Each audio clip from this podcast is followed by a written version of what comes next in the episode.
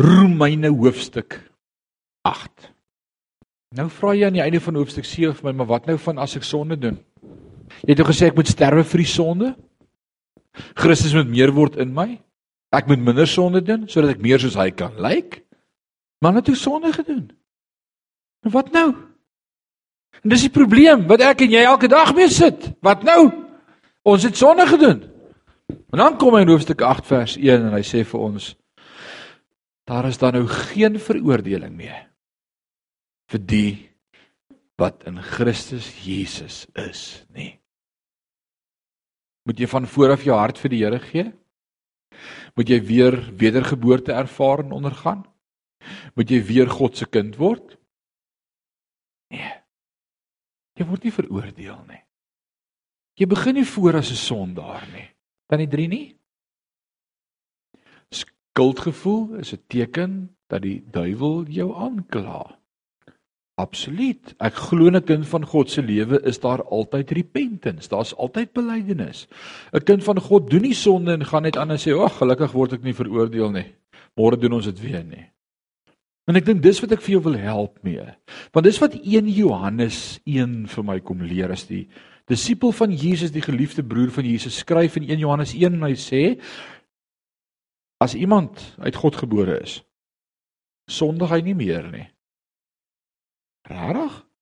Met ander woorde as ek 'n mishap het in my lewe, as ek 'n sonde doen, beteken dit ek is nou nie meer 'n kind van God nie.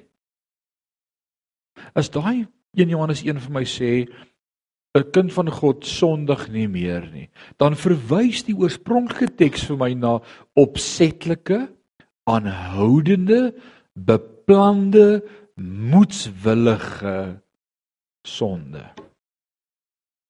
En dan sê hy kind van God beplan nie sonde nie. Jy's nie moedswillig oor jou sonde nie.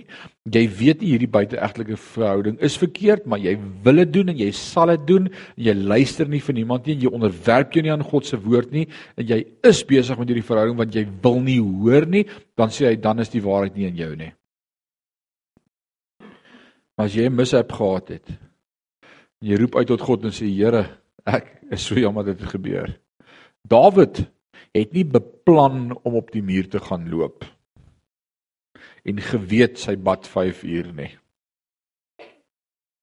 Toe hy sien toe staan hy daar. En hy het geen wilskrag om om te draai nie en wat hy sien is vir hom mooi. En toe gebeur daar sekere dinge. Maar hy het berou gehad daaroor. Dit het hom gejaag. Hy het skuldig gevoel. Alraai, het jy die prentjie? Dit was nie sy karakter nie. En baie keer sien ons mense se sporadiese optredes as karakter. Ek wil jou reghelp vandag. Moenie dit wat mense afvind toe doen sien as die norm in hulle lewe nie. Wat bepaal jou karakter? Wat jy aanhoudend doen. En dis wat 1 Johannes 1 sê, kind van God doen nie aanhoudend die verkeerde goed nie.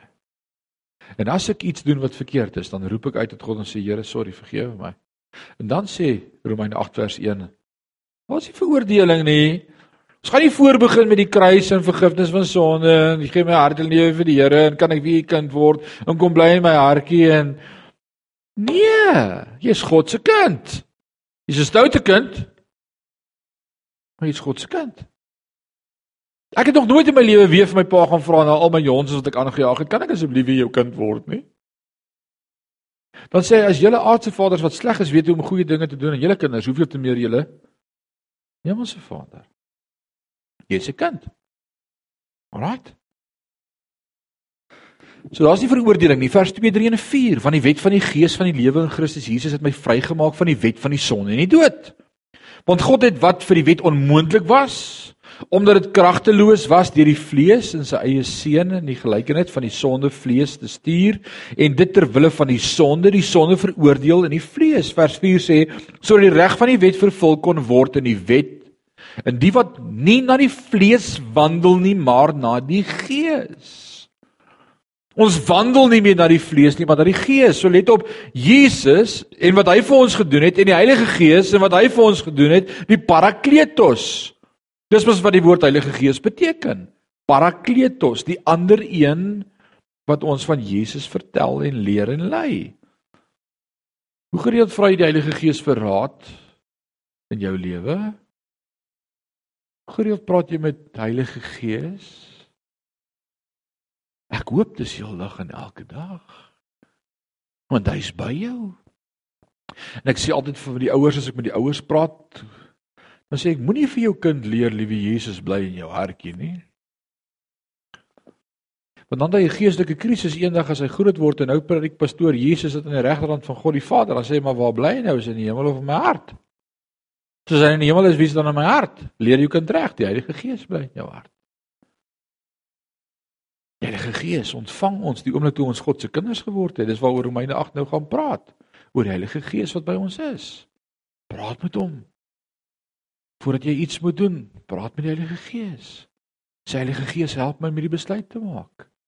Heilige Gees lei my om die wil van die Vader te doen. Leer my om hom te ken. Alraight. En nou vers 6 tot 11, die verskil tussen gelowiges en ongelowiges. En hier bring hy vir ons die verskil. Omdat wat die vlees bedink vyandskap teen God is. Want dit onderwerp hom nie aan die wet van God nie, want dit kan ook nie. En die wat in die vlees is, kan God nie behaag nie. Julle is egter nie in die vlees nie, maar in die gees, as naamlik die gees van God in julle woon. Maar as iemand die gees van Christus nie het nie, behoort hy nie aan hom nie. So hier wil ek sommer net vir jou reg help. Alle kinders van God het die Heilige Gees. Ek verwerp dit as iemand vir jou sê jy almal het nie die Heilige Gees nie. Jy het die Heilige Gees as kind van God. In Romeine sê Paulus sê hier in Romeine 8, as jy nie die Heilige Gees het nie, is jy nie God se kind nie. Jy het hom. Jy het die Heilige Gees. Maar as Christus in julle is, Hoor wat sê vers 10, maar as Christus in julle is, hoe's Christus in my? Deur die Heilige Gees. Christus is in die hemel. Maar as jy as Christus in my kom woon het deur sy Heilige Gees, dan is die liggaam dood vanweë die sonde, maar die Gees is lewe vanweë die geregtigheid. En as die Gees van hom wat Jesus uit die dode opgewek het in julle woon,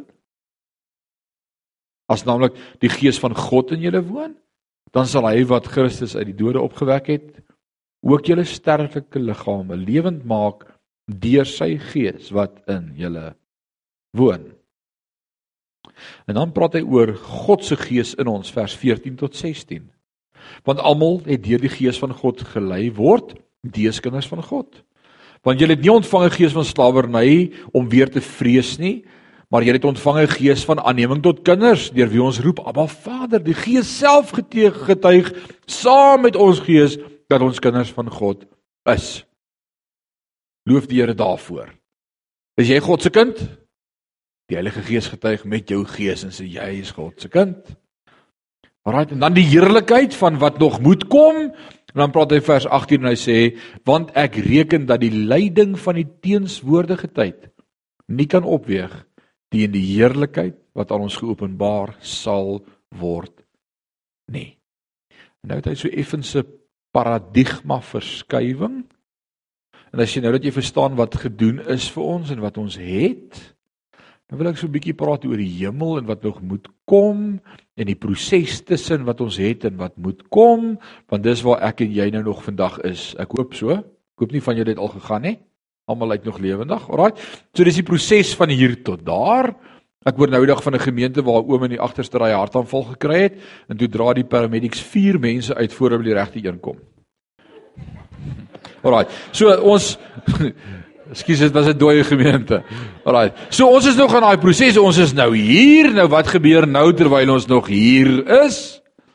Want wie weet hierdie is 'n gesig. En dit is 'n gemoun en 'n gegroun en jy stamp jou toon in die doring steek seer en jy staan jou vinger in die deur vas en jy's nog nie in die hemel nie en hierdie is beslis nie 'n verheerlikte liggaam nie want as jy hom sny bloei hy en jy het pyne en skete en dit raak koud en hierdie is 'n gesig die engel sê saai nê is ek reg Party mense kan sug o, liewe genade. Ek ken mense wat die hele dag net loop en sug. Dis 'n gesig om so 'n gesig te moet aanhoor. En dan kom Paulus en dan praat hy vir 3 keer praat hy oor sug. Hy hy hy verstaan iets van waardeur ek en jy moet werk. Hy sê in die eerste plek die skepping sug. Jy dog jy het iets om oor te sug, die skepping sug. Vers 22 sê, want ons weet dat die hele skepping tesame sug en tesame in baringsnood is tot nou toe. Hierdie natuur van ons met sy natuurrampe en fratse en droogtes en tornado's en winde en aardbewings en veldbrande. Hy sê dis 'n natuur wat nie kan wag vir die einde nie.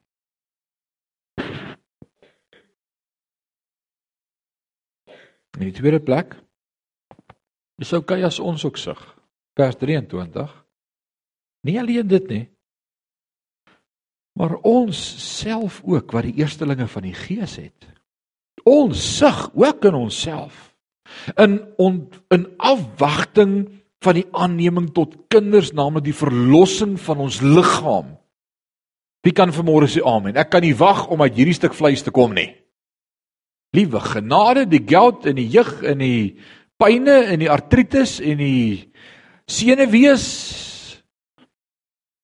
En dalk sê jy baie keer vir jouself, ek kan nie wag om huis toe te gaan nie. Dis vir my die mooiste ding wanneer ek met iemand praat vir alle ou mense op sy sterfbed dalk en sê oom, wat bid ons? Moet ons bid vir genesing en dan sê hy, liewe genade, nee, ek wil huis toe gaan. Moenie terugkom nie. Ek wil huis toe gaan. Ek wil by die Here wees. Paulus sê dit 'n paar keer in sy bediening. Hy sê dis ver weg die beste vir my om by Christus te wees. Maar terwyl jy van julle wat nog swak is, sal ek maar bid om nog 'n bietjie in die lewe te bly ek maar vir julle probeer in die hemel kry, maar ek wil by die Here wees. Ek wil huis toe gaan. Na my ewige tuiste. So hy sê ons sug ook. Hoekom sug ons? Ek dink baie keer hoe moet dit wees om by hom te wees? Ek vang my keer baie keer dat ek punt. En is dit selfsugtig? Nee. Ek dink nie dis die realiteit nie. Jy moet hemelsbewus wees. Iemand sê eendag vir my you are too heavenly minded to be earthly any good.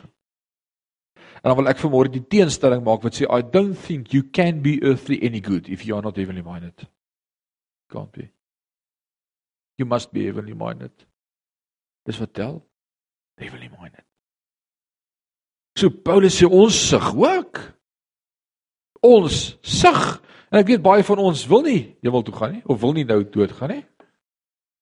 Dis soos die ou oom wat in die kamer lê op sy sterfbed, laaste, lê al 3 dae daar, praat nie. En dan kom sy dogter by hom kuier en sy kom sit daar by sy bed en hy ryk, ryk, ryk so hy sê, oh, "Ek ryk ma se lekker vleispastytjies. Ek is nou so lus hê vir maak soek van dit." Sy kom in die kombuis en sê, "Ma, pa sê hy soek van daai vleispastytjies" en sy stuur hom terug. En sy kom in die kamer en sy sê, "Ma, ma sê dis vir pa se begrafnis." Pa kan nie daarvan kry nie. Dis vir die gaste. Alraai. Wat sal ons maak sonder humor? Dis dit sal 'n sad lewe wees as ons nie meer kan lag nie. Lag net 'n slag toe. Alraai. En dan sê hy nie net skep die skepping en ons nie ook die Heilige Gees. Dis interessant, die Heilige Gees sug Hoor wat sê hy in vers 26? Hy sê en net so kom die Gees ons swakhede te help want, want, want ons weet nie eers wat om te bid as ek en jy 'n mishap gehad het nie. Dan kom kom dit in my lewe wat ek wragtig nie eens weet wat om te bid nie. Ek ek voel te skaam om te bid. Ek ek ek voel ek het nie woorde nie. Wat wat moet ek nou vir die Here sê? Ek het alweer.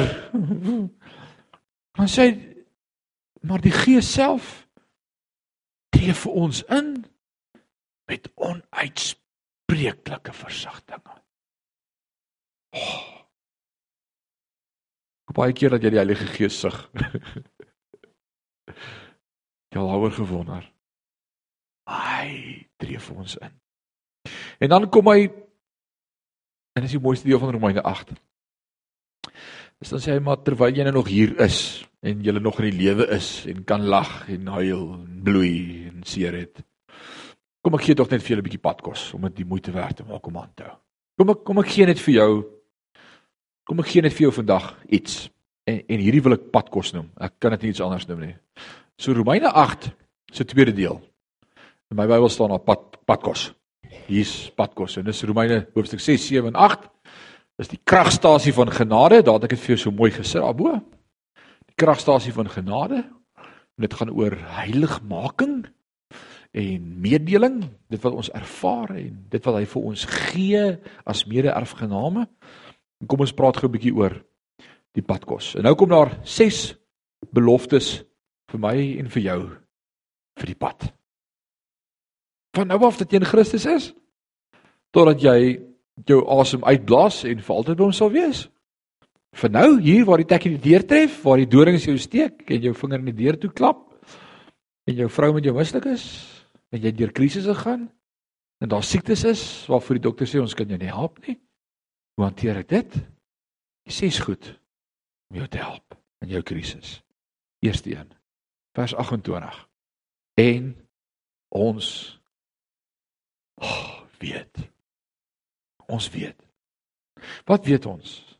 Dat vir hulle wat God liefhet, alles ten goeie meewerk. Vir hulle wat as sy voorneme Ekskuus, wat staan daar? Is jy geroep deur God? Regtig, het jy nie het, het jy nie na hom geroep nie? Het hy jou geroep? Ah, sien, Paulus kom weer by hierdie tema en hy sê jy moet iets verstaan. God het jou geroep. Jy het dit gehoor en teruggeroep. Jy het dit gesê, ja, pappa. Dis al wat jy gedoen het. Jy was nie so oulik nie. Niemand soek God nie, Romeine 2:13, niemand soek God nie, nie een nie.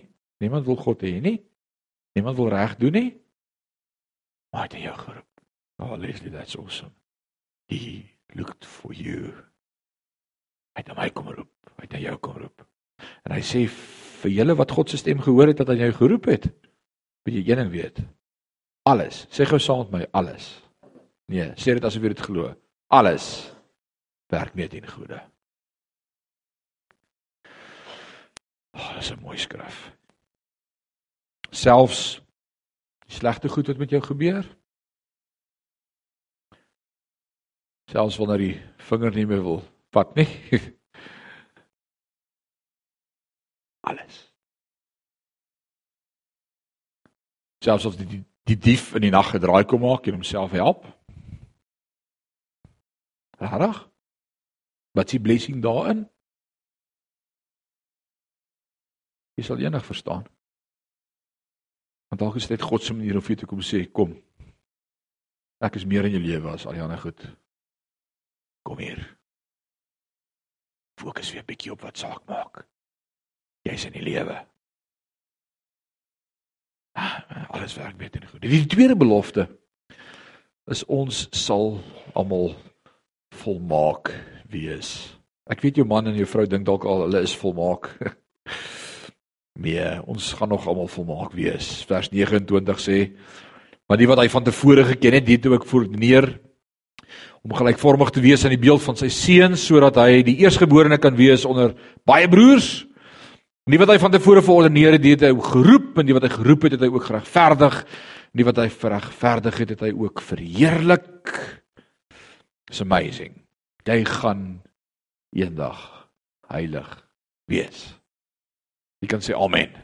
Danie, ons gaan eendag volmaak wees. In die derde plek terwyl jy op hierdie journey is hier op aarde, wat wil God hê moet ek weet? God is vir ons. God is nie teen jou nie. Amen, is goeie nuus. God is nie kwaad vir jou nie. Hy het nie 'n appeltjie te skil met jou oor toe jy 4 jaar oud was en vir jou ma gejok het nie. Hy's vir jou. Dan sê vers 31 en 32. Wat sal ons sê van al hierdie dinge? As God vir ons is, wie kan teen ons wees? Hy wat self sy eie seun gespaar het, nie wat hom vir ons almal oorgegee het. Hoe sal hy nie saam met hom ook die beloftes gee nie? Hy's vir jou. Kyk gou vir die ou langs jou en sê God is vir jou. Hoor jy dit? God is vir jou. Rietjie, God is vir jou. Alraai. Jy's nie alleen nie. Jy is nie hierdie bad luck wat jy getref het en God is kwaad vir jou nie. Hy's vir jou. Maar wat dan nou van die pyn en die lyding en die seer en die smart en die ellende waardeur ek moet werk? Wat dan nou daarvan as God vir my is? Is dit hoe God vir my is? Hou net vas aan hom, want alles werk mee die goeie. En ek kan dit dalk nie nou vir jou verduidelik nie en ek kan dit nie vir jou verklaar nie. En ek het nie vir jou 'n quick fix of 'n antwoord nie, maar ek weet een ding. As jy eendag terugkyk, gaan jy sê, "Ag, oh, dit was alles die moeite werd." It was worth it all. Moenie selfs daai goed wat gebeur in die lewe wat jy nie kan verstaan nie. It's working a eternal weight. Jesus sê, "Alright." En die vierde punt, padkos. Niemand kan jou meer beskuldig nie. Wat 'n broer wil sê amen. Dis jy. Niemand kan jou meer beskuldig nie. Wie sal beskuldiging inbring teen die uitverkorenes van God? Dan die drie nie. Wie beskuldig jou? God se woord sê niemand kan ons meer beskuldig nie. Niemand, ons is onder die bloed. God het ons regverdig. In die 5de punt vers 34. Wie is dit wat veroordeel? Christus is dit wat gesterf het. Ja, meer nog wat ook opgewek is. Wat ook aan die regterhand van God sit. Wat vir ons intree. In die 6ste punt wat sal ons skei van sy liefde? Niks kan ons skei van sy liefde nie. Verdrukking, benoudheid, vervolging, honger, naaktheid, gevaar, swaard. Niks. Sê saam met my niks. Niks. Maar jy, ek ken nie my vrou nie. ja, niks. Niks kan jou skei van sy liefde nie. En dis juis presies die goed wat met gelowiges gebeur in hierdie lewe. As jy wil weet wat is die issues in mense se lewens? Hierdie 6 punte. Dinge gebeur met my wat nie goed is en mooi is nie. Hoe kan die Here dit met my laat gebeur as hy lief is vir my? Alles werk met in goeie. Al voel dit nie so nie. Jy gaan eendag volmaak wees. God is vir jou. Niemand kan jou beskuldig nie.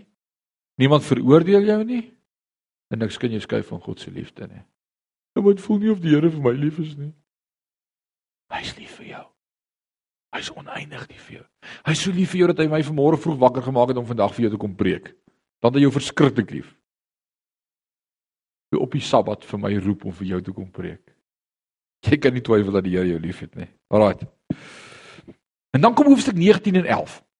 Nou hoofstuk 19 en 11, dan kom ek gooi dit vir jou daarbo voordat ons daarby kom, gaan jy kyk en sien hoe om daaroor te dink. Hoofstuk 19 en 11 is hier die derde bargain op die padkaart of hierdie derde uh wat sal ons dit noem? Uh ja, kom ons sê bargain. Uh die sinagoge van Israel, hy praat oor Israel in al drie hierdie hoofstukke. In hoofstuk 9 praat hy oor die verlede van Israel en hoofstuk 10 die hede van Israel en hoofstuk 11 die toekoms van Israel. Jy wil weet waar pas Israel en die Jood in God se plan gaan lees Romeine 9:10 en 11. Hy praat oor God se wysheid. Hy gee vir ons voorbeelde daarvan en dan verduidelik hy dit vir ons. Alraight. Kom ons kyk na hierdie drie hoofstukke as 'n een eenheid. Onthou die oorspronklike teks of die scrolls wat ons gekry het, die Dead Sea Scrolls, die woord van God was nie ingedeel in hoofstukke en versies en opskrifte selfs eers nie. Ons Bybelvertalers met die tyd het dit makliker gemaak om vir jou te sê waaroor gaan hierdie gedeeltetjie en 'n gedeeltetjie wat handel oor dieselfde onderwerp noem ons 'n perakoop. So as vers 1 tot 6 handel oor die verlede, dan sal ons daar opskrifies het wat sê die verlede van Israel en daai gedeelte saam is 'n perakoop. Maar daai stukkie van die woord wat konteks het met dieselfde. Maar hoe lees ek die woord? Ek lees die vers in konteks van die perakoop, in konteks van die hoofstuk, in konteks van die Bybelboek, in konteks van die Bybel. 'n Versie kan nooit vir my iets anders sê as die res van die Bybelse boodskap nie. En ek dink dis deel van die gevaarlike teologie daar buitekant, is wanneer mense 'n woord of twee uit 'n sinnetjie vat en sê sien dis wat daar staan. Dis gevaarlike teologie. Ek het gister weer 'n voice note gekry van iemand wat praat oor die krag van die tong en dan sê hy sien Paulus sê jou woorde is naby jou, dit beteken jy moet net reg praat en dit beteken dan nou net en dan en dan sit soos dit beteken ek kan net sê ek gaan 'n Mercedes kry dan kry ek hom. Dis gevaarlike teologie. Ek dink nie dis hoe God wil hê ons moet met sy woord omgaan nie. Alraai. So hoofstuk 19 en 11 handel oor Israel En hier gaan ons nou begin praat oor God se regverdigheid. Want hier gaan 'n paar goed gekwout word wat baie onregverdig in ons oë lyk. En dalk sê jy vanmôre die lewe is baie onregverdig of God is nie regverdig nie. Iemand sê nou die dag vir my, dis nie fair nie. Dis ek ek dank God dat hy nie met ons fair was nie, anders was ons in die hel maar hy het aan ons guns en genade bewys. So hou op jy moun oor fair of regverdig. Jy's gered deur genade. Wat meer wil jy sê? Shut up. Alraai. Soms gebruik ek dit as ek berading doen, maar net baie keer. Dis nou vir die wat nie betaal nie. Alraai. Kom ons kyk. Romeine 9 vers 1. Ek spreek die waarheid in Christus.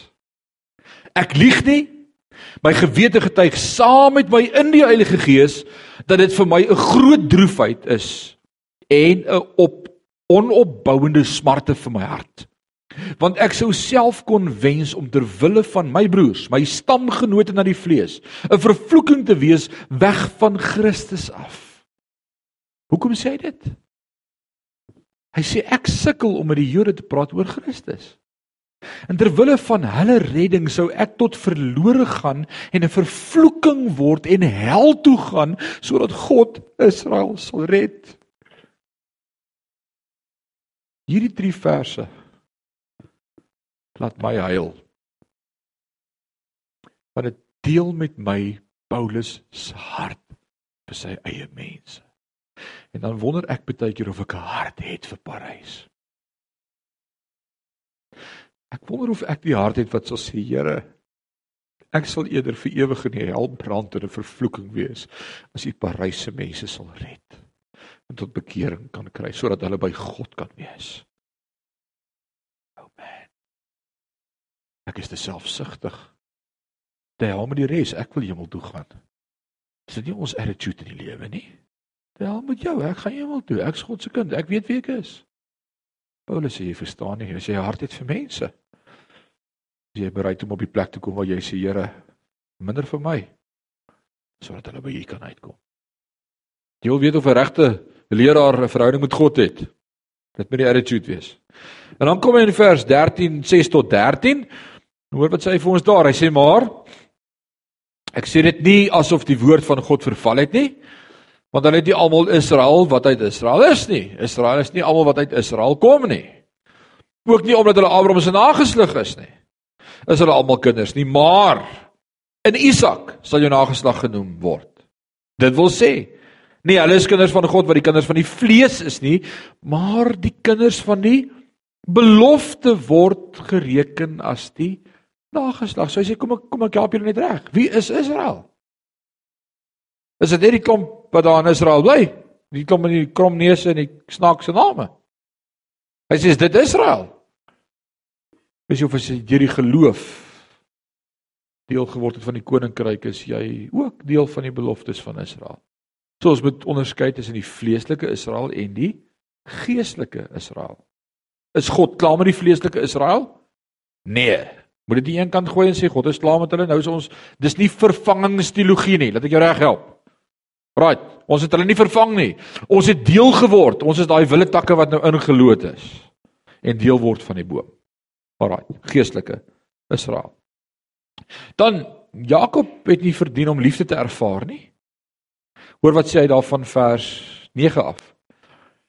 Want dit is die woord van die belofte omtrent hierdie tyd sal ek kom en Sara sal 'n seun hê. En nie alleen dit nie, maar ook Rebekka wat swanger eh, was swanger uit een naamlik Isak ons vader wat toe die kinders nog nie gebore was nie en nog geen goed of kwaad gedoen het nie het God die voorneme gehad om volgens sy verkiesing te bly staan nie uit die werke nie maar uit hom wat roep is vir haar gesê die oudste sal die jongste dien. Soos geskrywe is Jakob het ek lief gehad en Esau het ek gehaat wat sal ons dan sê is daar miskien onreg by God is dit fair hy sê voordat die twee nog kon sonde doen voordat hulle nog gebore is Het God besluit wie hy gaan haat en hy het besluit wie hy gaan lief hê? Is dit fair? En dan wil ek vanmôre die stelling maak wat sê Jakob het nie verdien om liefde te ervaar nie. Hy was 'n bedrieger. En ek wil sê Esau het nie verdien om geseën te wees nie. Hy het sy eersgebore reg sommer verkoop. Maar God bewys genade. So ek en jy kan nie sê maar jy moes dit gedoen het of dit gedoen het of hoekom het jy so gemaak of so gemaak? God is God. Hoekom red jy vir daai en nie vir my nie? Of hoekom het jy my gered en nie my kind nie? Hoekom het jy nie daai een gered nie? Hoekom wil daai een nie die Here dien nie? God is soewerein. Hy's God. Wat wou jy? Jy het jou hart vir die Here gegee.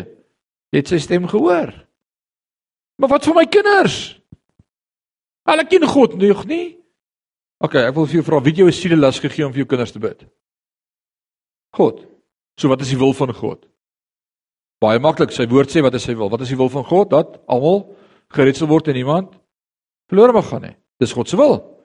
So hou aan bid. Beteken dit net omdat hy nog nie sy hart vir die Here gegee het nie, hy gaan nooit sy hart vir die Here gee nie. Nee, hou net aan bid. Wat is God se wil? Dat hulle tot bekering sal kom. En as dit nie gebeur nie, want God geweet. Hou net aan bid. Dis God se God weet. God is genadig. En dan kom die antwoord vers 15, 16, 17 want aan Moses sê hy ek sal barmhartig wees oor wie ek barmhartig wil wees en my ontferm oor wie ek my wil ontferm. Ek maak soos ek wil. Ek is God. So hang dit dan nie aan die een wat wil of aan die een wat loop of maar aan God wat barmhartig is. Want die skrif sê aan Farao, jy is hier voordat ek jou laat optree, dat ek jou in my krag kan toon dat die naam verkondig word oor die hele aarde, soos hy dan barmhartig oor wie hy wil en verhard wie se hart hy wil verhard. God maak soos hy wil. Hy's God. Alraait. So kom ek gou-gou met uitverkiesing, want dit kan 'n bitter moeilike tema wees. Uitverkiesing. Hoe werk uitverkiesing? En ek kan dit probeer verduidelik vir jou al die kante toe. En ek kan dit probeer vir jou vereenvoudig. Maar uitverkiesing beteken van die begin af voor die grondlegging van die aarde het God geweet wie gaan hom kies. En hy het jou gekies. En ek weet nie wie gaan God kies nie en ek weet nie wie het God gekies nie, maar hy weet. En al wat uitverkiesing vir my sê is God weet meer as ons. Wel ek weet een ding. Ek het gedink ek het my hart vir die Here gegee tot ek die Bybel begin lees het en toe kom ek agter uit my geroep om my hart vir hom te gee. En ek so God dank bly ek kon my ore oopmaak en luister. Want ek het 'n tendensie gehad om nie te luister nie. Want ek kon dit gemis het. Hæ? Ek kon dit gemis het. En as ek daaraan gemis het, het God geweet ek gaan dit mis. Ja, En hoewel hy dit geweet het, is hy God en nie ek nie, want hy het voorkennis. Want hy het alle kennis. So wil jy vandag sê dis onregverdig? So ek dien God net omdat hy my geroep het om hom te dien. Ek wil nie die Here dien nie. Nee, nee, nee, nee, nee. Dien God voluit. Dis genade dat hy jou geroep het. Dis genade dat jy sy stem gehoor het. Jy's gered. Jy's gered. En dan wil ek sê ons gaan eendag in die ewigheid in 'n ander verhouding staan teenoor mekaar. Jy gaan nie meer eendag in die hemel voel oor jou kinders soos wat jy nou oor hulle voel nie. Moenie nou sê haleluja nie. Alraai, dis verkeerde tyd. Dis nou weer eens een van daai. Maar jy gaan in 'n ander verhouding staan met mekaar. Want voor God gaan ons almal net familie van hom wees eendag. En Jesus kom self en hy praat oor die huwelik en dan sê hy want hulle vra vir hom die vraag en dan sê hy sy was al eers getroud met die Jedusie man dood en toe trou sy met die wiese vrou gaan sy nou wees enig in die hemel. Dis hy julle verstaan nie. Sy gaan niemand se vrou wees nie. Sy gaan familie van Christus wees. So ons gaan in 'n ander verhouding met mekaar staan. Is nie meer o oh, my ma was so mooi om te kyk toe ek op aarde was nie. Dis soos my suster in die Here. Sien God het jou terwyl jy op aarde is die tyd gegee om inspraak te gee in my lewe. As ons eendag in die hemel kom, is ons almal gelyk voor hom. En ons gaan baie eerder met hom wil praat as met mekaar oor die bietjie tyd op aarde. Kou daaroor. Dis 'n woordskool vir 'n ander dag. Alraight. Is daar vrae? Definitief ons gaan mekaar ken. Maar Paulus sê so mooi, hy sê ons ken mekaar nie meer na die vlees nie, maar na die gees. Naamlik Christus wat uit die dode opgewek het. Ons ken hom nie meer soos wat hy was toe in die lewe was nie, ons ken hom na die gees as 'n nuwe mens, 'n nuwe skepsel. Soos ons mekaar ook ken. Jy gaan nie Casper the Ghost wees nie. Jy gaan 'n verheerlikte liggaam hê. Jy gaan perfek wees, volmaak.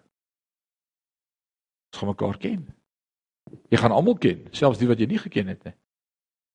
Jy gaan al die kennis hê. Jy's by God, hemelse wese. Baie om na uit te sien. Jy gaan nie meer name vergeet nie. Alraai, wie wie sê amen daarvoor? Right.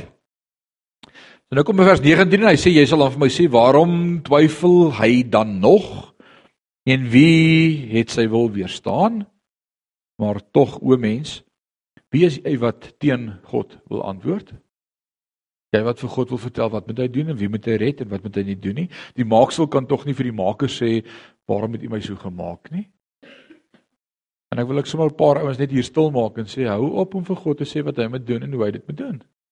Hy weet. Hy's God. Alraait.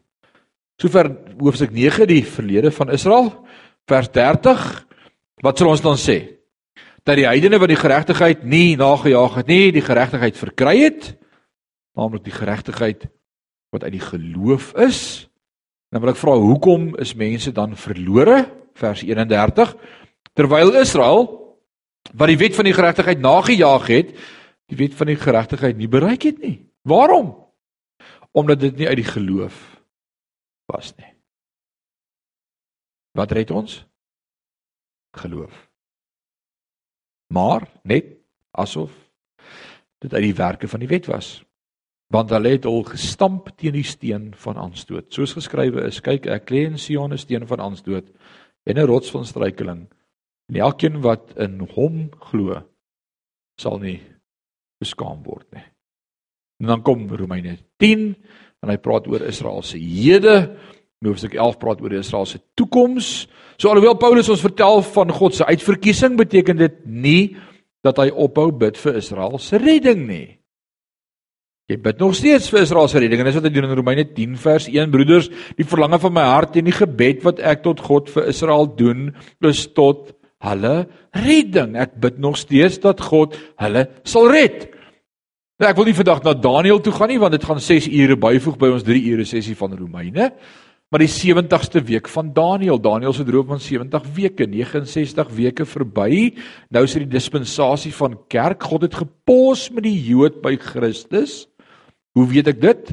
Want net voor Christus terwyl hy nog op aarde was, die dispensasie van die Jood, kom die vroutjie by hom en sy sê my kind is siek.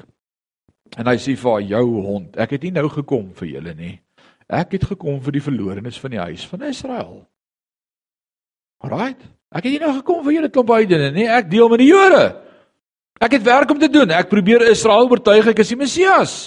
En sy sê ag maar net die ou krommeltjies wat van die tafel afval sal vir my ook genoeg wees. Ek het nie nou hierdie verskriklike lering nodig nie. Maar sy genade vrou, jou geloof het jou gered. Gaan die kind gesond. So Jesus sê self, ek's besig om te deel met die huis van Israel, ek deel met die Jood. Hy sê Jerusalem, Jerusalem, hoe dikwels wou ek by julle mekaar maak, soos 'n hen haar kyk en maar julle wou nie. Met wie deel Jesus? Met Israel. En dan die oomblik met sy kruisiging en sy opstanding, dan kom hy in die boefretrek en hy gee 'n nuwe opdrag aan sy kerk en hy sê: "Gaan heen, maak disippels van die hele Israel." Nee, hy sê alle nasies. Skielik verander die dispensasie van Jood af na heiden toe. Genade, charis, hoop, geregverdig, justification, sanctification, glorification, kerk. In die Ou Testament was die kerk nog 'n verborgene, dit wat weggesteek. Niemand het kerk gesien nie. Niemand kon dink daar gaan enige kerk wees met 'n pastoor en 'n gemeente nie. Familie in Christus nie. Nee, dit kan nie wees nie. Daar's 'n priester en 'n rabbi en almal in die sinagoge, mans, die kant vrouens, daai kan dis ons stelsel. Hoe kom jy daarin? Jy moet deel wees van die volk. Nou sê Christus ek gaan vir my nuwe volk bymekaar maak wat nie gaan wees uit Jode of nie Jode nie, maar uit kinders van God. In die kerk word gebeur. En nou pos Daniël se 69ste week vir 'n oomblik. Pos. En nou is daar 'n gap tussen die 69ste en 70ste week.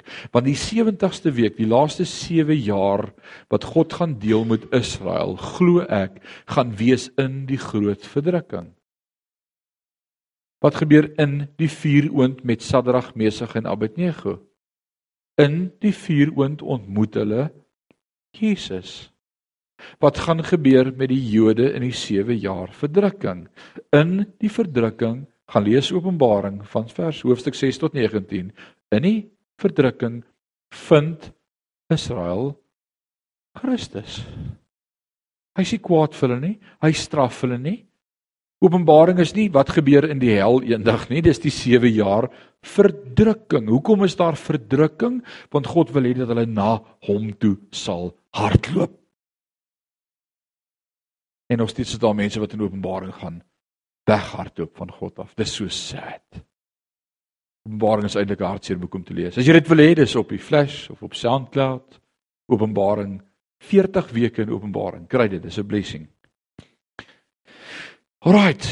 So, die teken van 'n gelowige vers 9 as jy met jou mond die Here Jesus bely en met jou hart glo dat God hom uit die dode opgewek het, sal jy gered word. Ek kan dit nie vir jou makliker sê as wat Paulus dit hier sê in Romeine 10 vers 9 nie.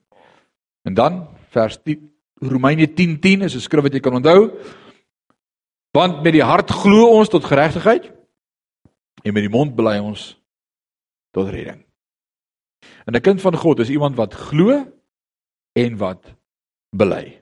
Jy kan nie net glo nie, jy moet ook jou mond oopmaak en praat. Wie weet dis die waarheid, sê Amen. So hoe kom mense tot dit geloof? Vers 14 en 15. Hoe kan hulle hom dan aanroep om wie hulle nie geglo het nie? En hoe kan hulle hom glo van wie hulle nie gehoor het nie? En hoe kan hulle hoor sonder iemand wat preek? Hoe sal hulle weet? En, en en hoe kan hulle preek as hy hulle nie gestuur het nie soos geskrywe is hoe lieflik is die voete van hom wat die evangelie van vrede verkondig van die wat die evangelie van goeie nuus verkondig. En dan vers 18 tot 21 maar ek sê het hulle miskien nie gehoor nie? Ja seker of het hulle nie of hoor die hele aarde het hulle stem uitgegaan en tot die eindes van die aarde hulle woorde maar ek vra Het Israel miskien nie verstaan nie? Ten eerste sê Moses, ek sal julle jaloers maak op die een wat geen volk is nie en ek sal julle toorn opwek teen die onverstandige volk. Wie van julle weet Israel is kwaad vir die res van die wêreld? Alles daai al in vir ons. Want ons praat van hulle God as ons God. En hulle sê maar ons het die wet en ons het die Torah. En ons is God se volk. En ons is die beloofde land. Hulle like nie die pelgrims wat in Israel gaan toer nie. Wie weet dis die waarheid? Ek was al 'n paar keer daar. Hulle like jou niks. Jy's 'n indringer. Dis ons belofte. Staan daai kant toe. Hulle behandel jou soos 'n hond. Reg. Hulle like jou nie. Die woord van die Here sê hoekom nie? Paulus sê dit baie duidelik. Hy sê ek maak hulle jaloers. En Jesaja durf selfs sê en dan quote hy ek het my laat vind deur die wat my nie gesoek het nie. Ah. Romeine 2:10, 19. Niemand soek my nie, nie een nie. Julle het my nie gesoek nie. Julle was heidene, ons was verlore. Nou wat sê hy nou? Hy sê Jesaja het tot geprofeteer gesê, ek gaan my laat vind deur wie dit my nie gesoek het nie. Ek het verskyn aan die wat my nie gevra het nie. Jy het God nie gesoek nie, jy het nie na hom gevra nie, maar hy het aan jou verskyn. Is dit nie amazing nie?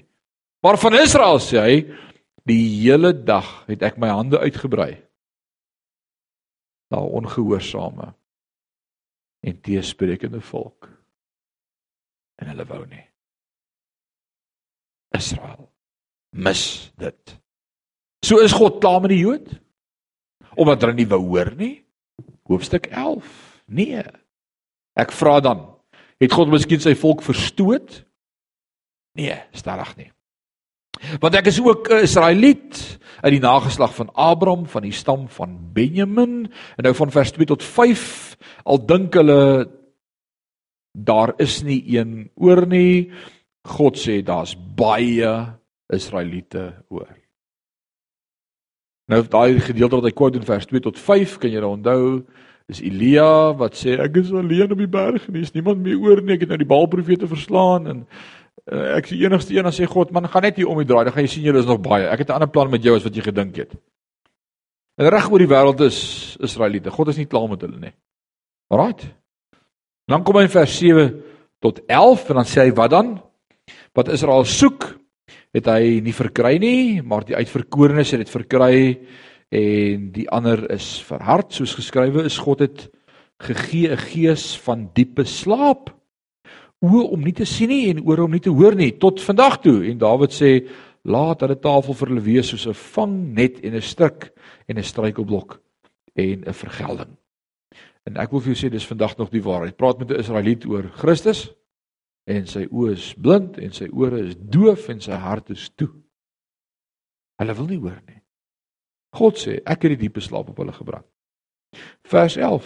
Ek vra dan Het hulle miskien gestruikel om te val? Nee, stellig nie. Maar deur hulle val het hulle die saligheid tot 'n heidelik so tot tot die heidene gekom om hulle jaloers te maak. En nou skets hy die prentjie van 'n boom en hy sê ons is die wille lote wat ingeplant is. Ons kan nie daar roep en sê ons is nou die boom nie. Ons is die wille lote. Ons is deel van die boom. En dis hoofstuk 11. So tot met hoofstuk 11 praat hy oor die probleem en dan hoe God met die Jood gaan deel en nou sê hy vir ons het soveel rede om bly te wees. Wie van julle is sover baie baie bly? Nou dat jy die probleem gehoor het en gehoor het hoe gaan God met Israel deel en nou begin hy in hoofstuk 12 en hy sê vir jou luister. Don't worry, be happy. Alright, smile net. Smile net. Wees bly man. Kom aan. Wat gaan jy nou daarmee doen? Nou dat jy hierdie belofte ontvang het en gehoor het van die probleem en hoe God die probleem geantwoord het en selfs met Israel, waar los dit nou vandag vir my en vir jou hier op aarde? Ons het tot padkos gekry vir die pad. En dan wil ek sê ek is baie bly. En dan kom in vers 1 van hoofstuk 12 en dan sê ek vermaan julle dan, broeders, met die ontferming van God. Dat julle julle liggame stel as lewende heilige en aan God welgevallige offer. Dis julle redelike godsdiens en word nie aan hierdie wêreld gelykvormig nie maar word verander deur die vernuwing van julle gemoed sodat julle kan beproef wat die goeie en welgevallige en volmaakte wil van God is. En nou kom hy met 'n ongelooflike stuk teologie wat sê hy? Moenie soos die Ou Testament dooie offers mee vir God bring Moenie teruggaan in die ou bedeling en dooie goed voor God wil kom neerlê en sê dit verheerlik hom nie. God soek nie meer dooie goed nie. Hy soek 'n lewende heilige en God welgevallige offers. Hy soek jou.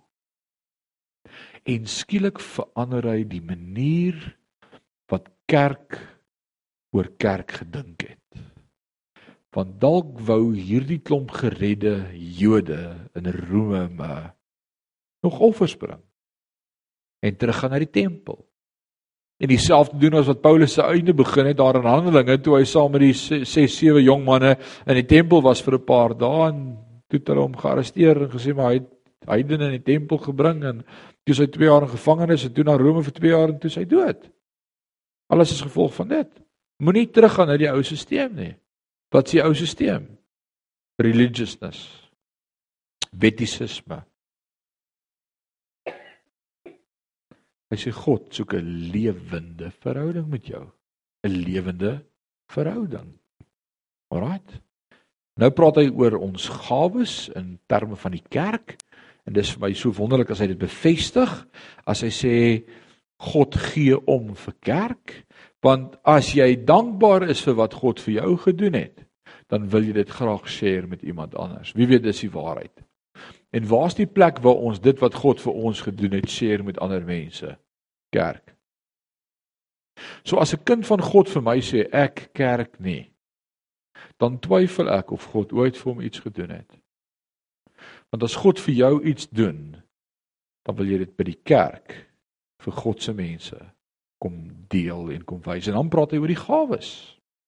Dan sê hy God het vir elkeen 'n genadegawe gegee, vers 3 tot vers 8. Hy praat oor gawes.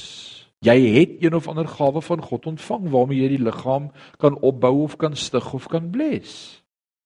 Het jy 'n gawe van God ontvang? Wie sê nee? Ek wil vir jou sê ja. Jy het 'n gawe van God ontvang.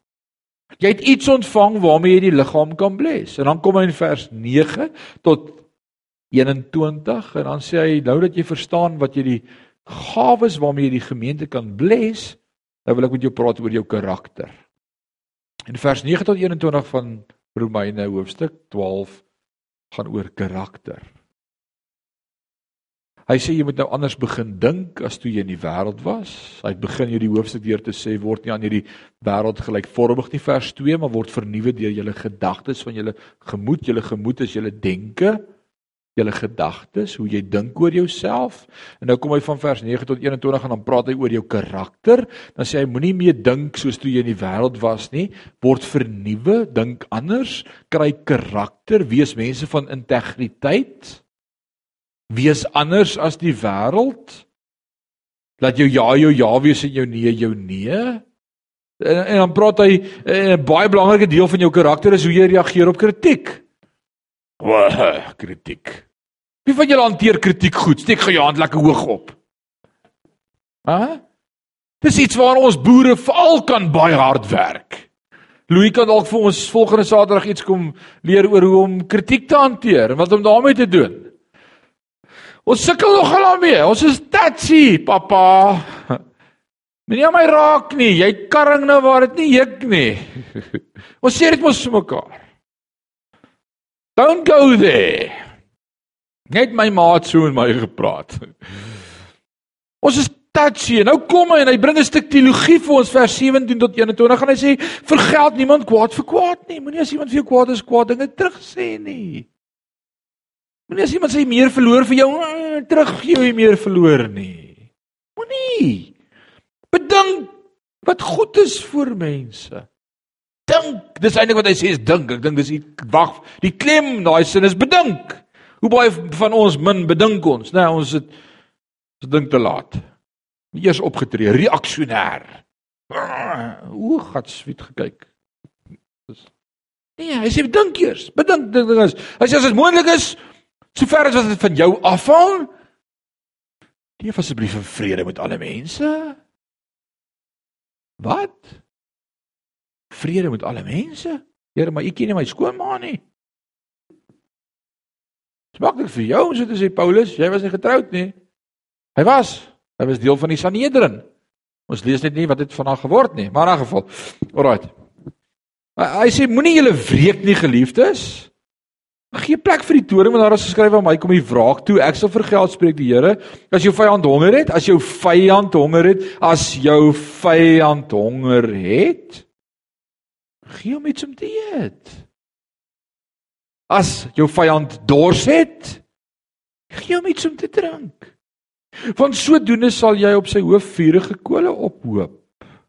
Laat jy nie deur die kwaad oorwin nie, maar oorwin die kwaad deur die goeie. Doen goed aan ander mense. Wat se raad het ek vir jou hoe om iemand te wen? Bid God vir 'n geleentheid om vir daai persoon iets te doen. Here, maar ek ken nie my buurvrou nie. Sy's 'n beneekte ou vrou. Sy's 'n Duitser en Dink sy was in al die konsentrasiekampe was sy hoofmatrone. Sy's terrible. Wie u ken haar nie. en ek het nou eendag op 'n parkeerplek gestop en het nie gehoor wat sy alles vir my gesê het en gewys het nie. Ek ken nie halfte van daai blinde tekens nie, maar in 'n geval regtig ek in 'n goeie verhouding met haar staan. Bid die Here vir 'n geleentheid om vir haar iets te doen. Ek bid elke dag, Here, gee my geleenthede om vir mense te bless om my. Ek wil net 'n blessing wees vir almal om my. Ek sny my buurman se sy paadjie se gras. Regtig? Nee, ek, ek ek laat dit doen. Ek het 'n werker. Maar dis my keuse. Ek kan so narrow-minded wees om te sê my grens loop. Nee, staan met hier links, sit 'n klip neer, net daar. Net daar, die kant toe sny jy, daai kant tel met hulle. Of my werker weet, ek sê vir hom stap, dan kyk ons hoe ver sny jy tot 5 uur toe. Dan sê hy baas, is nog vroeg. Dan sê ek stap Piet, laat jy begin sny. 2 erwe, 3 erwe die kant toe. Môre sny ons daai kant toe. En dan peel daar mense oor die mure en sê, "Wie bly nou hier? Wie's jy? Hoekom sny jy ons sy paadjies se gras vir ons?" Sê ek want ek kan. My naam is Rinus. O, ons het al gehoor van jou. Dis asof dit sleg was. O, is jy Rinus? Gebruik elke geleentheid wat jy kan om goed te doen vir ander mense. Die liefde, 1 Korintiërs 13. En so wen ons mense vir Christus. Jy hoef nie in vyandskap te lewe met niemand nie. Jy hoef nie. Ons is besig met boeremark en ek moet plekke kry in die dorp waar ons ons banners kan opsit, lekker groot banners. En ek sien in die hoofstraat en ek sien hier, daar skuins ook in die PPK kerk is hoe groot staalstruktuur met 'n lekker plek waar ek 'n groot banner kan opsit, 3 meter by 1.5 meter. Ek stop al met my Mahindra en ek klim uit met my pyp en ek begin meet aan hierdie staalkonstruksie en ek sien uit die hoek van my oog hier kom 'n ou met 'n spoed hier uitgestap. Hy dog as hy biljet wat sy bord kom haal stap hy nader ek ignore hom. Ek meet, meet, meet. Skryf neer, neem fotos, neem fotos van die bord. As jy kan ek help, ek sê nee, jy kan nie help nie. Maak die tyd meet ek, ek ignore hom. Ek tog, wat doen jy? Ek sê ek weet nie, maar ek doen dit. Spiteful. Nou meet ek, hy sê, uh, kan ek help? Ek sê ek het mos gesê ek kan nie help nie. Hy sê wat doen jy? Ek sê ek meet net al die scrap metal wat ek kan verkoop vir geld. Nou hoor ek wat ek sê, maar ek, ek dink nie ek het gedink nie. Nou staan hy terug. Hy weet nie moet hy my blaai of steek met 'n regter of 'n linker. Hy hy, hy is verstommer oor wat ek gesê het, is wat ek hoor is. Ek is net so stom. Nou meet ek. Hy sê ek is ernstig, wat doen jy? Ek sê ek het mos gesê ek meet dit vir scrap metal. Dit draai ek om. Ek sê vir my naam is Rinus van Sandwyk van Sion gemeente. Maar sy gesig is soos ek het al gehoor van jou op die radio. Wat doen jy? Ek sê ons soek plek vir ons boeremark banners om dit op te sit. Hy sê vat die hele bord as jy wil. Sit dit net vir jou. Ek het hom dadelik gewen. Wie wen mense, ouens? Wen mense. Dit is wat Paulus hier kom sê, hy sê wen wen mense. Dan hoofstuk 13.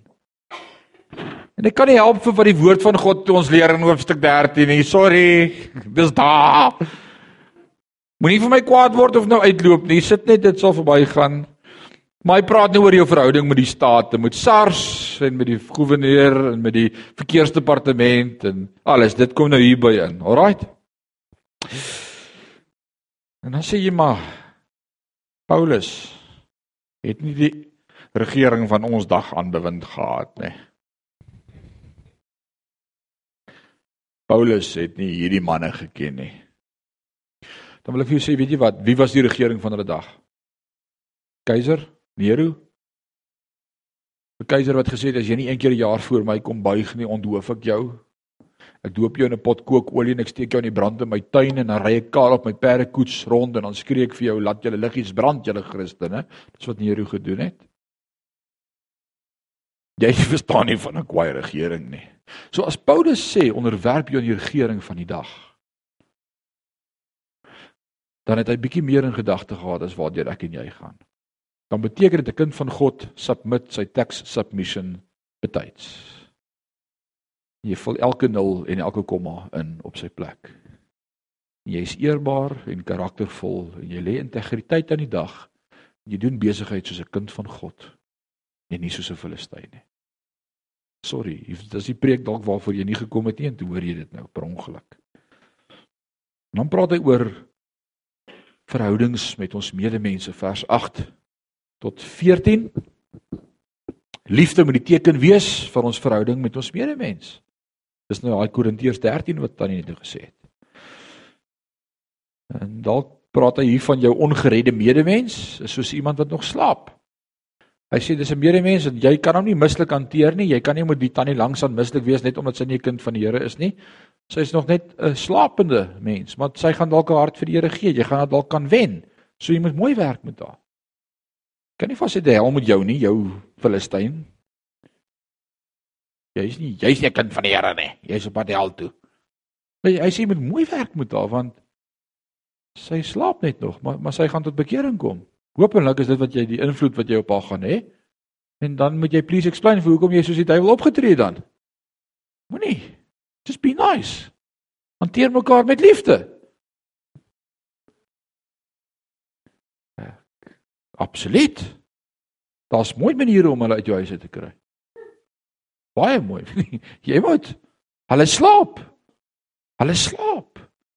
Ek roep Renata en sê kom ek wil vir jou bid. Hulle hardloop weg. Wil nie. Sê dit nou aangaan en dat ek julle nou help daarmee.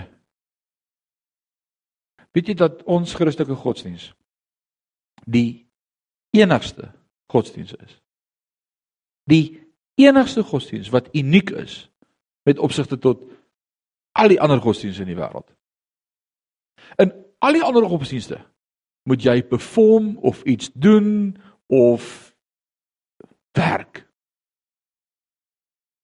Christus sê ek doen die werk. Jy moet net glo. Selfs die Jehova se getuie moet werk. Dis hoekom hy by jou huis is. Want as hy genoeg mense vertel van Christus, sal hy dalk eendag genoeg mense vertel het sodat dit vir hom tot 'n ewige gewig weeg sodat hy gered kan word. So 'n baie maklike manier om dit te hanteer is hulle jou deurklop en sê kom asseblief in voordat jy my iets vra wil ek jou net een vraag vra, maar jy moet my dood eerlik antwoord. OK. Dan vra ek vir hom, "Hoekom is jy hier?" Is jy hier vir jou saligheid of oor die bekommernis oor myne?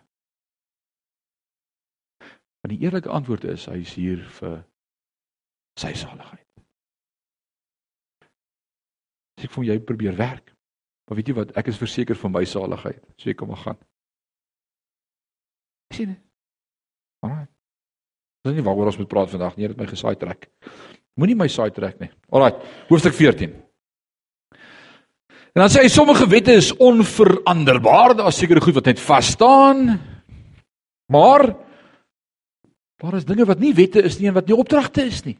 En dis daai grys area in die kerk. Kinders kan is in kinders van die Here. Daai ding wat konflik veroorsaak tussen broers en susters. Daai grys area wat nie geskrewe wette is nie. Die kerk het in sy fase van 1906 af hier in Suid-Afrika 1908 toe die AGS kerk gestig is in 1908 in die AGS het, het ons gegroei as Pinksterbeweging in Suid-Afrika daarvan Johannesburg af John G Lake se beweging en, en toe daar 'n kyk daar was 'n paar dinge wat dit dit moes so wees jy het 'n hoed gedra as jy 'n vrou is en jy kom kerk toe jy het nie gremering aan jou gesig gesit nie en 'n lang broek was soos die onvergeefbare sonde. Dit was net taboe. Dit was net so. Is ek reg as ek dit sê? Was dit vrouens wat nie al hare gesny het nie. Alraai. Alraai.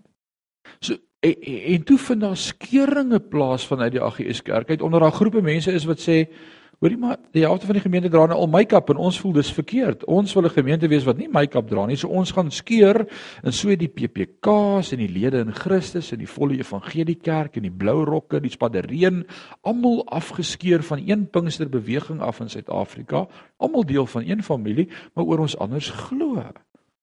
Daar's kerke wat daar vandag nog hoede gedra word en lang rokke. Nee, broek, jy sal nie 'n broek of make-up sien in daai kerk nie. Dis altyd die vrouens. I didn't say it. You said it. Is daar 'n geskrewe wet dat vrouens moet oorlogsverf aansit of nie? Dis mos war paint. Julle weet mos wat make-up is, né? Now we are ready for war. Uh, is daar 'n wet daaroor? Sê God se woord iets daaroor? Maar hoekom kloof ons dan hare daaroor? Hoekom beklei ons so? Hoekom is daar soveel verdeeldheid in die kerk? Mag 'n vroue broek aan hê of moet sy 'n rok dra? Sê die Bybel dit? Nee. Maar hoekom beklei ons daaroor? Mag 'n kind van die Here 'n glas wyn drink saam met sy ete of moet ons totaal en algeheel onthouers wees? Wat my so dink aan hierdie storie wat Steven Elliot vertel van hierdie gemeente waar hy hy was altyd in in 'n spesifieke land en toe word hy oorgeplaas Engeland toe en vir die Paasfees toe kom daar van sy ou gemeente vir hom kuier van Duitsland af en, en hulle kuier by hom en hy het nie plek in sy ou een bachelor woonstelletjie om hulle te akkommodeer nie en hy plaas hulle toe by gemeentelede om saam te kuier en na die tyd toe hulle kom groet toe vra hy vir hulle and how was your stay? And they said oh wonderful but they not Christians. I say what They're members of my assembly. I said, They're not Christians. And he says, But why? Why do you say that? And they said, They drink wine with their food. He said, Oh, okay.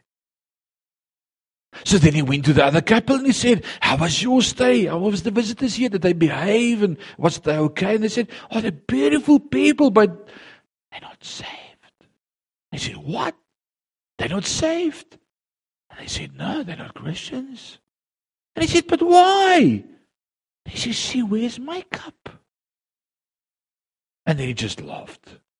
Want dis wat ons doen met mekaar. Dis wat Paulus kom in hierdie hoofstuk as hy met ons daaroor kom praat en dan sê hy daar's sekere goed wat nie reg of verkeerd is nie. Jy judge jou broer oor hy varkvleis eet. Maar as hy daarvoor gebid het voor dit eet, laat hom dit eet. En as dit vir jou verkeerd is, dan is dit vir jou verkeerd. As jy die oortuiging het om te drink is nie reg nie, moenie drink nie. En as jy die oortuiging het om te drink is lekker, go for it. Moenie net dronk word nie, sê die woord, want daar is losbandigheid. Paulus skryf vir Timoteus en hy sê moenie water alleen drink nie, daai magseer gaan nie van self weg, gaan nie drink 'n bietjie wyn. Ja, maar daai wyn het nie gegis nie. Regtig? Hoekom sê jy dan moenie dronk word daarvan nie want daar lê losbandigheid in. Drywesap kan jou nie dronk maak nie. So dit het gegis, dit was gefermenteer. So moenie reëls maak vir mekaar en mekaar judge nie. Want in Christus is almal inklusief ingesluit. En of jy nou 'n broek dra of make-up het of nie 'n hoed op het nie en of jy is deel van die koninkryk, stop julle nonsens. En dis wat Paulus kom doen in hoofstuk 14 dan praat hy met hulle en dan sê hy aanvaar mekaar onvoorwaardelik. Moet niemand verag nie. Veroordeel niemand nie. Wees oortuig van jou eie oortuigings. En dan drie redes hoekom. In die eerste plek God aanvaar al sy kinders. Ons moet net God behaag en hom alleen. Jy probeer vir net jou buurman impres jy het 'n saak aan met die Here. En in die derde plek Ons behoort aan Christus en sal alleen voor hom rekenskap gee. Net voor Christus. En dan sê hy moenie oordeel nie vers 10 maar jy waarom oordeel jy jou broeder? O, oh, kyk wat doen hy en kyk wat doen hy en kyk wat doen hy. Hou op, hou op oordeel. Of ook jy waarom verag jy jou broeder? Want ons sal almal voor die regterstoel van Christus gestel word. Dan wil ek sê wees bereid om jou eie vryheid op te offer ter wille van medegelowiges. En hierdie is 'n baie belangrike punt. Wees bereid om jou eie vryheid op te offer ter wille van medegelowiges. As dit wat jy doen iemand laat struikel, hou dan op om dit te doen. Nie deel met hom nie. As wyn drink vir jou 'n issue is, gaan ek nie saam met jou kuier en 'n glas wyn drink en vir jou 'n struikelblok wees nie. En sê deel met jou grow up nie. Kan nie. God het my oortuig rook is verkeerd. 20 jaar, 6 maande en 12 dae terug. 'n paar ure. Op my honeymoon op die strand. Die aand onder die maanlig. En my vrou was die spreekbuis. Die Here gebruik donkies ook om te praat. Hy het my vrou gebruik daai dag. Sy het met my begin praat en ek het nie haar stem gehoor nie. Ek het die Here gehoor wat met my praat en ek het geweet dis die Here. En ek het my pakkie skuwe in so voor my gegooi, Benson Hedges special malt. en my vier oudjies en gesê dis klaar. God het my oortuig. Maar ek kan nie daar wegstap. En vir almal wat rook sê, "Hey, jy moet ophou rook, jy's op pad hel toe." Want dis wat ons doen. Dis rook verkeerd. Nee, maar dit ryk of jy al klaar nie. Hel was, hou op, ryk maar rook. Ons het sulke mooi, pragtige, positiewe goed wat ons mekaar sê. Spurgeon het as teoloog van sy tyd sigaar gerook. Tot een dag wat hy 'n advertensie in die koerant sien van 'n firma wat sigare maak, kom ons sê Rembrandt. En die advertensie lees toe if Rembrandt is good enough for Spurgeon, it's good enough for you. En toe besef ek maar, ek kan nie my naam gebruik om om sulke goed vir die wêreld ek gaan ophou rook. Ek wil nie vir iemand tot struikelblok wees nie.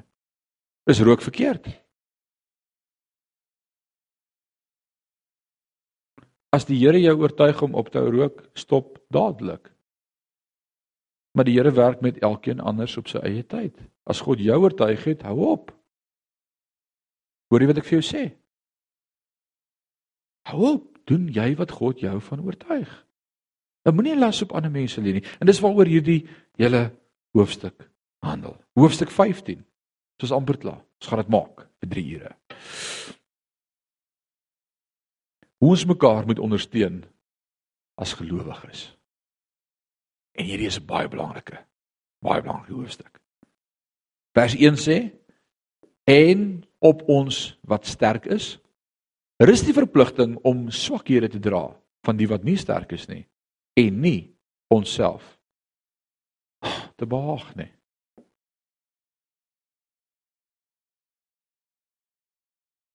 Moet ek dit weer lees? Dis 'n preek op sy eie.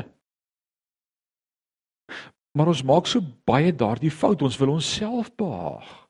Maar ek hou nie van nie of ek wil dit so hê of ek sou dit nou so gedoen het. Of as jy nou my opinie wil weet, Ons wil nie. Let op die ander. En dan gebruik hy Christus as voorbeeld vers 3, want ook Christus het homself nie behaag nie, maar soos geskrywe is die smaathede van die wat u smaad het op my geval. Die bemoediging van die skrif vers 4. Want alles wat tevore geskrywe is, is tot ons lering tevore geskrywe sodat ons deur leidsaamheid en bemoediging van die skrifte hoop kan hê.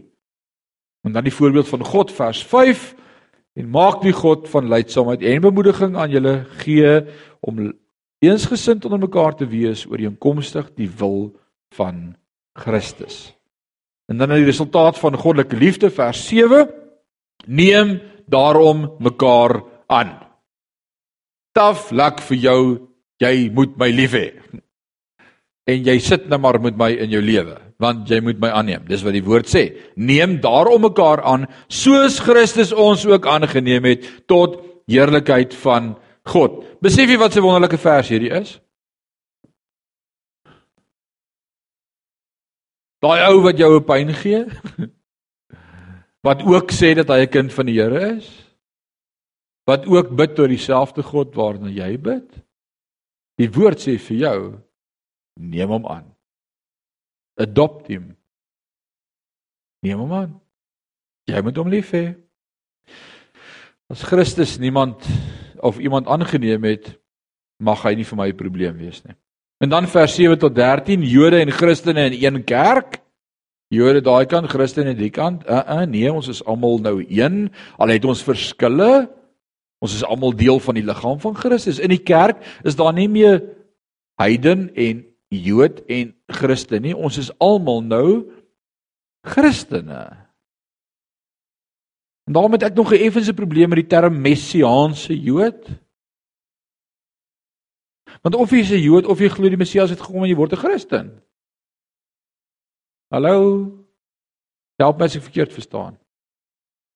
Maar as ek 'n Jood was en ek kom tot die besef van die Messias, dan word ek 'n kind van God, dan's ek 'n Christen. As ek 'n heiden was in sonde en ek het Christus aanvaar, word ek 'n Christen. Ek word nie 'n Jood nie. Ek word 'n Christen. Verstaan jy dit?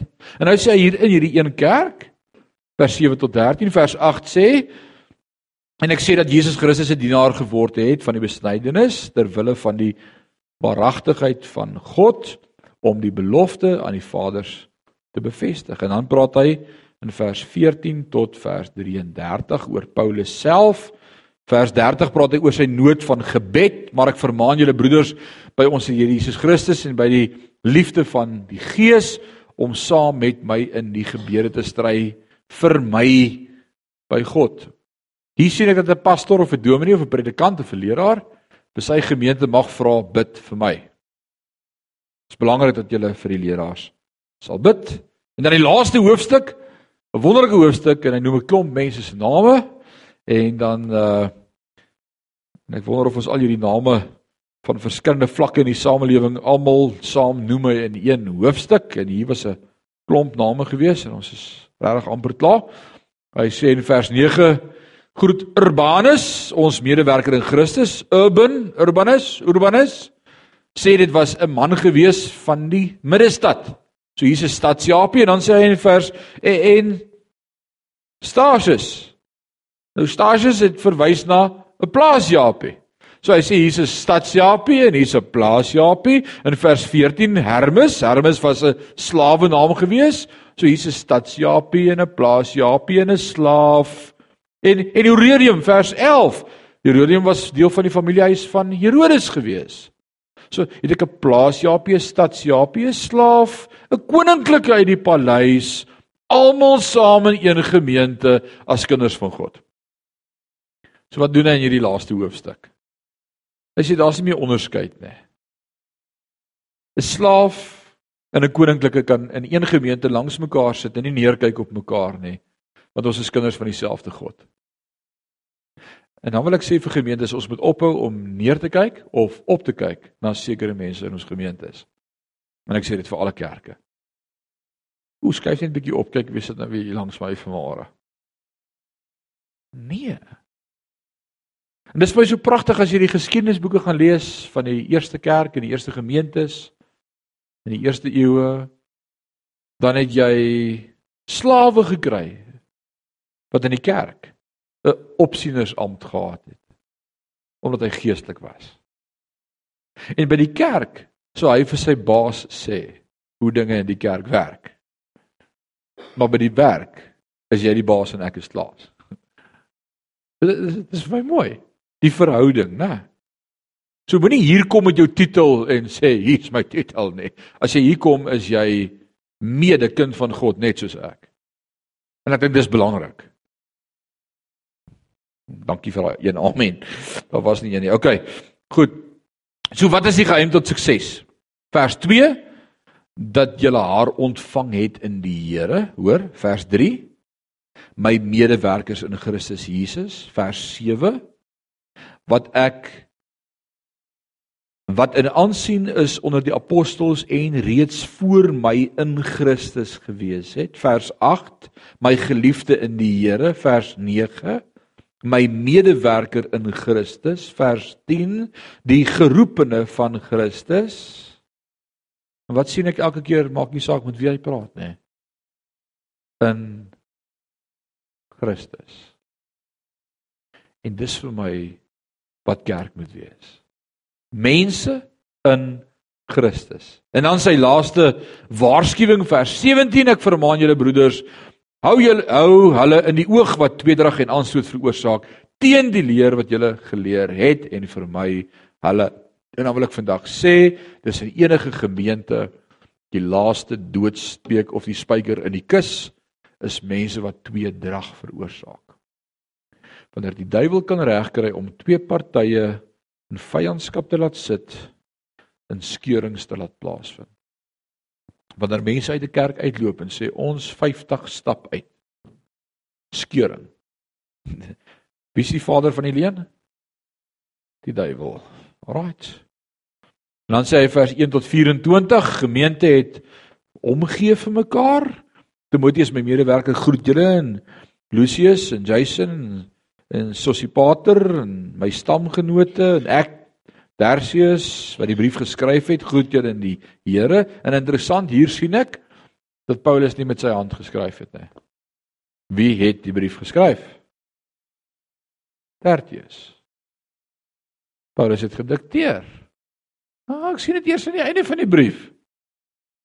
Geen wonder hy het so baie geskryf nie. Hy het dit gelees en nou Tertius moet net bybly en sê wag, hier's nog ink. Daar gaan ons weer aan. Alraai. Gaius, my gasheer, En ook vir my hele gemeente groet julle.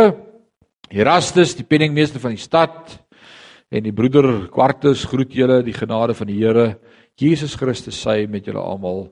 Amen. En dan gee hy 'n opsomming van vers 5 tot 27 van die evangelie. Laaste 3 verse. En hoor hoe klink dit? Aan hom dan wat magtig is om julle te versterk volgens my evangelie en die prediking van Jesus Christus. Ooreenkomstig die openbaring van die verborgenheid wat eeue lank geswyg is. Maar nou geopenbaar is deur die profetiese skrifte bekend te maak onder al die heidene volgens die bevel van die ewige God die gehoorsaamheid van die geloof aan die alleen wyse God aan hom die heerlikheid deur Jesus Christus tot in ewigheid. Amen. Hier is die prentjie van Romeine se 16 hoofstukke. So hier's die prentjie. Eers wie is Paulus? Dan wat is die evangelie? Dan wat is die probleem? Dan wat van Jood of nie Jood? Maar wag, wat van God se geregtigheid? Ons is geregverdig deur hom. Was dit altyd so? Nee. Maar wat vir Abraham en vir Dawid dan gered? Geloof. Awesome, nou het ons vrede by God, selfs as ons lyding het. Ja. Selfs al is ons net gehoorsame mense, wat wat van Adam wat ongehoorsaam was? Wel, Christus het die prentjie kom regskuif en nou is ek God se slaaf. So great, nou is ek vry van die wet aangesien ek aan God behoort. Nee. Jy is nou met hom getroud en jy gaan met leer om te sterf sodat Christus meer kan word in jou en jy gelei word deur die Heilige Gees. Nou wat is daai vierde blokkie daar so hoofstuk 12 tot 16? Die tempel van God. Wat is jy? Weet jy nie, weet jy nie, jy's 'n het gesing stempel. As ek sê, "Wie wat sing jy?" dan sê hy, "Weet jy nie, weet jy nie, ek's 'n stempel." As ek sê stempel nie, dis 'n tempel. In die aand lê ek in die bed en ek hoor hoe sê die Here vir my, "Wat stempel jy af van die beeld van God in die wêreld?" En ek dink, "Wow, leer ek by my kind iets. Die tempel van God, God se wil vir ons, transformasie en vermaaning." Nou, as dit was Romeine in 3 ure. We did it. We did it. Kopieer dit. Enige vrae? Enige vrae oor Romeine? Verstaan jy Romeine? Verstaan jy hoekom doen hy wat hy doen? Hoekom sê hy wat hy sê? Hoe kom hy daarby uit? Right. Loof die Here. Hier's nog koffie en tee voor. Kom ons staan op en gaan ons saam bid. Right, kom ons staan. Skryf julle, sit julle. Kom ons staan en bid ons saam. Dat die bloed bietjie deur julle are kan loop. Wie van julle is dankbaar vir God se woord? Steek 'n bietjie jou hand so op en sê ek is so bly vir God se woord. Oh man, is awesome. Vader, wat 'n voorreg om vanmôre in die woord te kon wees. Dankie vir die pragtige prentjie wat Romeine vir ons kom skets. Maar dankie dat dit nie net 'n prentjie is in die verlede nie, maar my lewe. dankie dat dit my lewensverhaal is. Van hoe ek tot sonnebesef gekom het, verlorenheid sonder Christus, hoe U my kom regverdig het aan die kruis, hoe ek dit kon glo en bely, en hoe my geloof in God my kan red. My redding, my verhouding met U, die beloftes wat U vir ons gegee het op aarde. Dit wat ons kan leer uit Israel uit in ons verhouding en ons wandel met God. As jy met ons praat hoofstuk 12, 13, 14 oor ons verhouding met ons medemens, om jouself te gee, jou geestelike gawes te deel met ander, liefde te bewys, mense van karakter en integriteit te wees, gehoorsaam te wees aan die staat wat ons aangestel is, onvoorwaardelik lief te hê. Dan wil ons vanmôre kom en Vader sê dankie vir sulke oomblikke soos vandag. Ek wil bid dat u woord sal vassteen vas staan in elkeen se hart, dat u vandag vir ons 'n blessing, hierdie blessing, Heilige Gees, wees u ook die naprediker. En as ons weer Romeine oopmaak of deel of share met iemand anders, dat dit vir ons sal maklik wees want ons het dit gesnap en ons verstaan u woord. Aan u dan al die lof en al die eer en al die lof en aanbidding van ons harte is ons gebed in Jesus naam en sê ons sê amen en amen. Loof die Here.